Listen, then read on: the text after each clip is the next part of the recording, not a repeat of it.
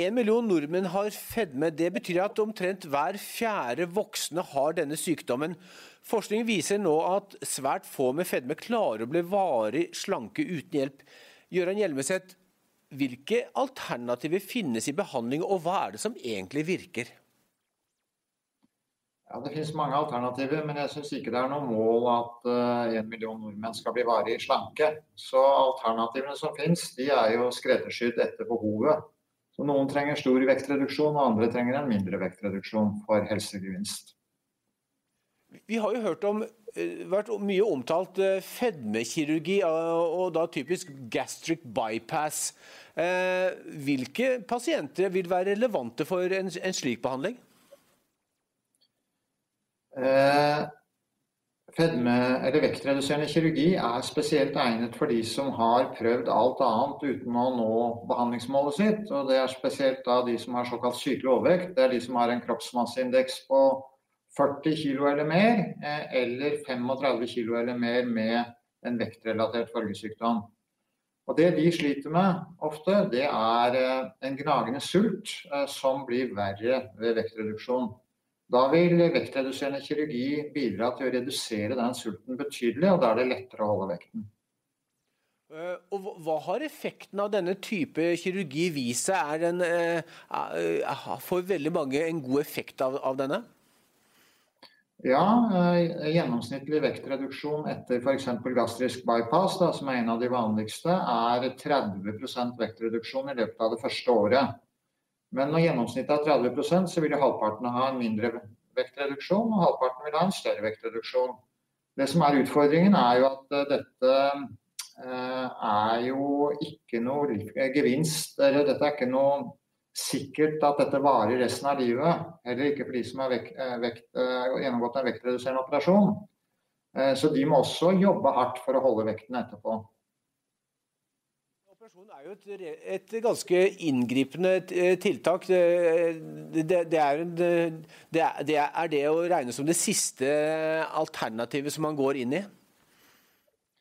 Ja, det vil jeg absolutt si. Man bør ha prøvd alt mulig annet. Alt fra eh, dietter og endring i kostholdet eh, til eh, fysisk aktivitet og kombinasjon av dette her. og Eh, det enkleste og det beste for de fleste, eh, hvis man hadde klart å vedlikeholde det, er jo å følge de norske kostrådene fra myndighetene. De er jo faktisk både slankende og vektstabiliserende. Så har det også kommet eh, et par ganske nylig legemidler som, som også kan brukes i behandlingen.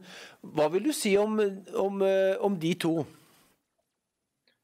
Ja, De legemidlene som er kommet nå, det er eh, en slags mellomting mellom eh, effektmessig mellom eh, vanlig konservativ livsstilsbehandling og vektreduserende kirurgi. Men den vektreduserende gjennomsnittlige effekten av de to legemidlene som er på det norske markedet nå, den er jo ikke veldig stor. Da snakker vi om 5% altså en sjettedel av det som gastrisk bypass har som effekt. Men eh, igjen så er det jo over halvparten som har en større effekt, og noen av de kan ha en betydelig effekt. Så noen kan ha en veldig god nytte av disse vektreduserende medikamentene, men det er bare så lenge de brukes, og da må de brukes eh, livslangt.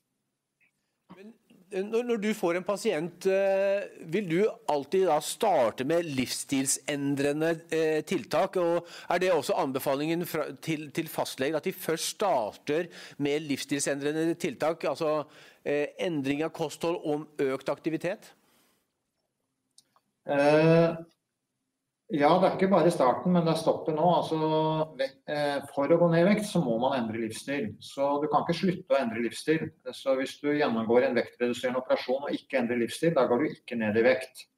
Så du er nødt til å endre livsstil. Så det er starten, og den må man vedlikeholde. Så det er, det er i bånn hele tiden. Og hvis du skal ned i vekt, så er det først og fremst viktig å spise mindre. Så det er det å spise mindre som er det første rådet man bør gi pasientene sine. Og det kan ha en veldig god effekt. Og når vekta da er stabilisert, for de fleste klarer fint å gå ned kanskje i hvert fall inntil 5 i vekt, da gjelder det å holde vekta, og da er det kanskje litt andre råd. Er det da f.eks. legemidler kan komme inn i, i, bildet som en ekstra hjelp eh, til denne eh, type pasienter? Nei, dessverre så er ikke det indikasjon eh, i dag.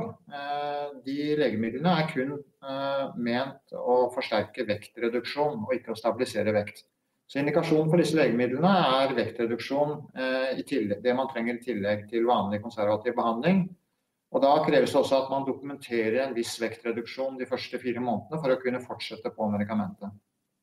Så, så, en fastlege som har en, eh, en pasient som, som, har en BMI over 30 eller 27 eh, og med en tilleggsdiagnose som f.eks. diabetes eller høyt kolesterol, høyt blodtrykk, når, skal, når, vil det være riktig for han, eh, fastlegen å, å, å sette i verk tiltak med legemidler? Det må være hvis eh, livsstilsrådene alene ikke har effekt. Altså hvis pasienten prøver og prøver eh, og ikke når det målet som pasient og lege setter sammen, så kan det være aktuelt å legge til medisiner. Og de har jo veldig lik effekt på vektreduserende kirurgi. Fordi de demper sulten, og så øker de metthetsfølelsen. og Da er det lettere å spise mindre. Du sier at eh, den eh, gjennomsnittlige vektreduksjonen med denne type legemidler den, den er ca. 5 eh, Det høres ikke så mye ut, men, men, men, det er som du sier et gjennomsnitt. Er det, er det mange som har stor effekt av det også? Ja da, og, og selv om 5 høres lite ut, så er det veldig stor helsegevinst i det. Og det er da over halvparten har en større effekt, og noen kan ha en 10% effekt eller mer. Så det er, eh, enkelte har en veldig, veldig god effekt av disse legemidlene. Hva kan vi lære av erfaringene til de som har fedme, og som har lykkes i betydelig grad med å, å, å gå ned i vekt og holde vekten stabil? Eh, godt spørsmål. Det, det, viktigste vi kan lære, er viktigheten av å legge en eh, veldig konkret plan for hva man skal gjøre etterpå. For den største feilen eh, folk gjør, det er at de tror at de kan ta en slankekur, la oss si den varer i 6-12 uker. Så er de veldig fornøyd etter å ha gått ned 5-10 kg i vekt. Og så går de tilbake til sitt gamle liv og spiser som før. Og da er du garantert at du går opp i vekt. Så det vi pleier å si til våre pasienter, er at før du begynner på en vektreduksjonskur, eh, så må du legge en plan på hvordan du skal fortsette å spise mindre resten av livet. Går du 10 eh, ned i vekt, så må du spise 20% mindre kalorier, eller færre kalorier, for å holde vekten. Det er en tommelfingerregel. Så de som forstår det og legger den planen og klarer å følge den planen etterpå, det er de som lykkes. Det, er jo som vi sa innledningsvis, ca. 1 million nordmenn som har fedme, altså en BMI, BMI over 30. Eh, og, og, veldig mange av disse har jo en tilleggssykdom og, og går eh, vil, vil, man vel tro eh, gå oftere til fastlegen enn andre. Hva er det fastleger eh, har eller For å stille spørsmålet, Gøran Hjelmeset, er fastleger nok, nok fokusert på å hjelpe denne pasientgruppen? Ja, Nå spør du litt skummelt, fordi jeg har sagt før at fastlegene kanskje vet for lite om dette her. Eh, det er forskjell på fastleger, det er forskjell på mennesker. Noen fastleger vet dette veldig godt. Men jeg vet eh, at mange fastleger de sliter litt med at de nettopp mangler den kunnskapen de mener er nødvendig for å kunne gi pasientene gode råd. Nå kommer heldigvis fedmebehandling og vektreduserende behandling også inn i medisinstudiet. Vi har startet eh, flere nye forelesningsrekker på medisinstudiet og håper at nye leger lærer mer om dette. Men, eh, men, det er klart at det fastlegene først og fremst kanskje må tenke, er at eh, vektreduksjon det er ikke noe som er eh, bare viktig fordi folk vil se bedre ut. Som mange tenker, det å slanke seg er for at man skal få en penere kropp, sommerkropp og alt dette her. Men vektreduksjon er faktisk den viktigste delen av behandlingen av f.eks. type 2-diabetes. Så har du overvekt eller fedme og type 2-diabetes, så er den aller viktigste og den aller beste behandlingen er vektreduksjon. Og En av de nye studiene som ble publisert for noen få år siden, for et par år siden eh, fra England, viste jo at eh, en eh, lavkaloridiett, hvor du da rett og slett spiser mindre, mye mindre og går ned eh, 10-15 kg i vekt, det gjør at veldig mange blir kvitt sin diabetes. Så man trenger ikke vektreduserende kirurgi for å bli kvitt sin diabetes. Det er nok å spise mindre og gå mye ned i vekt. Det gjelder også de pasientene som har en, en, etablert diabetes type 2, og som har hatt det i en rekke år. Ikke bare de som er på vei inn i en diabetesdiagnose? Ja, Godt spørsmål. Når det gjelder dette med å spise bort eller å gå ned i vekt uten kirurgi og bli kvitt sin diabetes, så gjelder det først og fremst de som har hatt diabetes i mindre enn fem-seks år. Så I den studien hadde de hatt diabetes i mindre enn fem-seks år. For de som har lengre varighet av diabetes, så er vektreduserende kirurgi mye mer effektivt. og Vi har selv publisert i fjor en veldig viktig studie som viste at en av disse operasjonstypene, gastrisk bypass, er en mer effektiv metode f.eks. enn slivgastrektomi. 75% av de som fikk gastrisk bypass, ble kvitt sin diabetes etter ett år, mens 50% av de som fikk sliv, ble kvitt sin diabetes.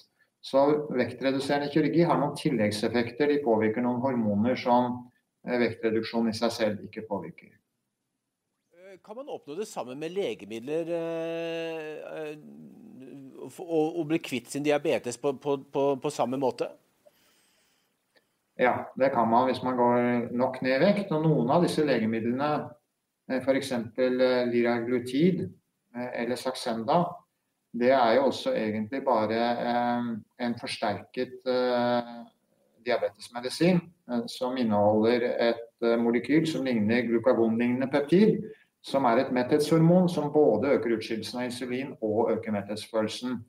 Så eh, Saxenda eh, f.eks. Eh, kan jo også da føre til at man i anførselstegn blir kvitt sin diabetes, men da har man jo også behandling for diabetes. Du er ikke kvitt diabetesen før du ikke trenger medisiner for å holde den under kontroll.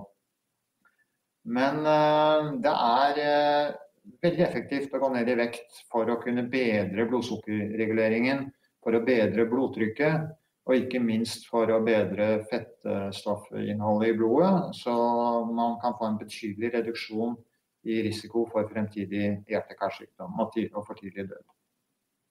Jeg må også spørre deg, eh, eh Gøran Hjelmeset. Altså, Eh, fed, vi, snakker jo om en fedmeepidemi i Norge. Det er jo uh, mange flere nordmenn som har uh, høy BMI uh, nå enn før med fedme, men også mange flere som har overvekt. hva er det egentlig det altså det, det, skyldes jo i sånn helt overordnet at man spiser mer enn det som man forbrenner i, i energi. Men har vi fått et samfunn i dag som som, eh, som gjør at det, det, er svært vanskelig å holde vekta? Ja, øh, hovedårsaken til fedmeepidemien det er øh, at samfunnet har pusher øh, energitett matvarer til en billig pris. Og Det var en bivirkning av, av kapitalismens utvikling fra 1960-tallet, og det ser vi spesielt i USA. at jo, jo billigere og mer eh, energitett mat eh, som kom på markedet, jo mer spiste man. Og så er det slik at eh, mye vil ha mer. Og hvis du først begynner å spise energitett mat eh, med mye fett og sukker, og blir tykkere da, og overvektig, da vil du også trenge mer for å få den samme tilfredsstillelsen. For det er jo deilig å spise god energitett mat. Det gir jo en lystfølelse, og det er ikke bare at man blir mett, men man blir også glad politikerne har jo også et ansvar for dette. Som, som du sier, vi, vi, har, si, vi, har, endret våre kosthold i, i, i, takt med at tilbudet av matvarer har endret seg. Eh, nå er det jo de siste eh, si i hvert fall 10-15 årene så er det jo eh, en ekstrem tetthet av eh, fastfood-muligheter i byen og på veiene. Og dagligvare er også i stor grad fylt av nye matvarer. Er det noe politikerne her kan gjøre for å, å si, gripe dette ved roten? Ja, absolutt. Og da er det viktigste tiltaket det vi kaller for sunn skatteveksling. Og det er enkelt fortalt, sånn som jeg eh, forenkler det veldig, da. Det er å doble prisen på tungbrus, cola og sukkerbrus. Doble prisen på det, og så halvere prisen, og kanskje enda billigere, på lettbrus og kalorifattigere matvarer, eh, men spesielt frukt og grønt. Eh, subsidiere sunne matvarer og skattlegge de usunne. Det jo, har jo vist seg vanskelig i praksis, for det er jo veldig få politikere som som ønsker å ta den belastningen det medfører hvis man innfører sånne tiltak. Men at det er effektivt, det er det flere studier som har vist. Helt oppsummeringsmessig, Gøran Hjelmeset. Er det mulig å, å, å slå tilbake denne fedmeepidemien uten at det gjøres større tiltak ut fra et politisk perspektiv, eh, tror du? Nei. Eh, denne epidemien den vil fortsette eh, inntil man iverksetter et slags koronatiltak mot fedme. Og det anførselstegn koronatiltaket det må være sunn skatteveksling først og fremst. Øke prisene betydelig på det som er usunt, og subsidiere det som er eh, sunt. Det vil man samfunnsøkonomisk fint kunne klare. Men i tillegg så må samfunnet også legge til rette for økt fysisk aktivitet, som vi har snakket veldig lite om, og som kanskje er viktigst når det gjelder vektstabilisering. Eh, og det må være en politisk enighet om det. Problemet er at politikerne ser ikke at den fedmeepidemien er minst like farlig, for ikke å si farligere enn koronapandemien. Eh, vi har også en fedmepandemi som for helsa eh, på lang sikt eh, er like farlig som, minst like farlig som koronaviruset. Hvis du kunne gi politikerne tre råd, hva ville det være, Gøran Hjelmeset? Ja, det vil være de tre rådene. Nå gjentar jeg meg selv, men eh, det viktigste rådet er å iverksette det vi kaller for strukturelle tiltak. Eh, og de strukturelle tiltakene de må først og fremst eh, basere seg på sunn skatteveksling. Det er punkt én. Punkt to det må være å beskytte barn og unge mot påvirkning, altså markedsføring av usunn mat og unge til usunn mat og drikke til barn og unge. Og Punkt tre det er å legge til rette for eh, økt eh, fysisk aktivitet. At det blir enklere å være fysisk aktiv eh, enn inaktiv. Jørgen Hjelmeset, tusen hjertelig takk for at du ville dele dine synspunkter med oss. Eh, hjertelig takk. Bare hyggelig. Får bare si fra hvis det skulle være noe mer.